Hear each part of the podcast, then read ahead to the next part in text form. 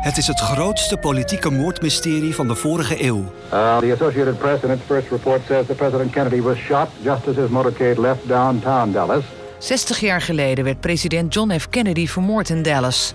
President Kennedy has been assassinated. It's official now. The president is dead.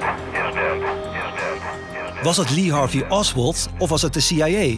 Journalist Willem Oltmans onderzocht de moord en ontmoette een mysterieuze man die bekende Lee Harvey Oswald instructies te hebben gegeven.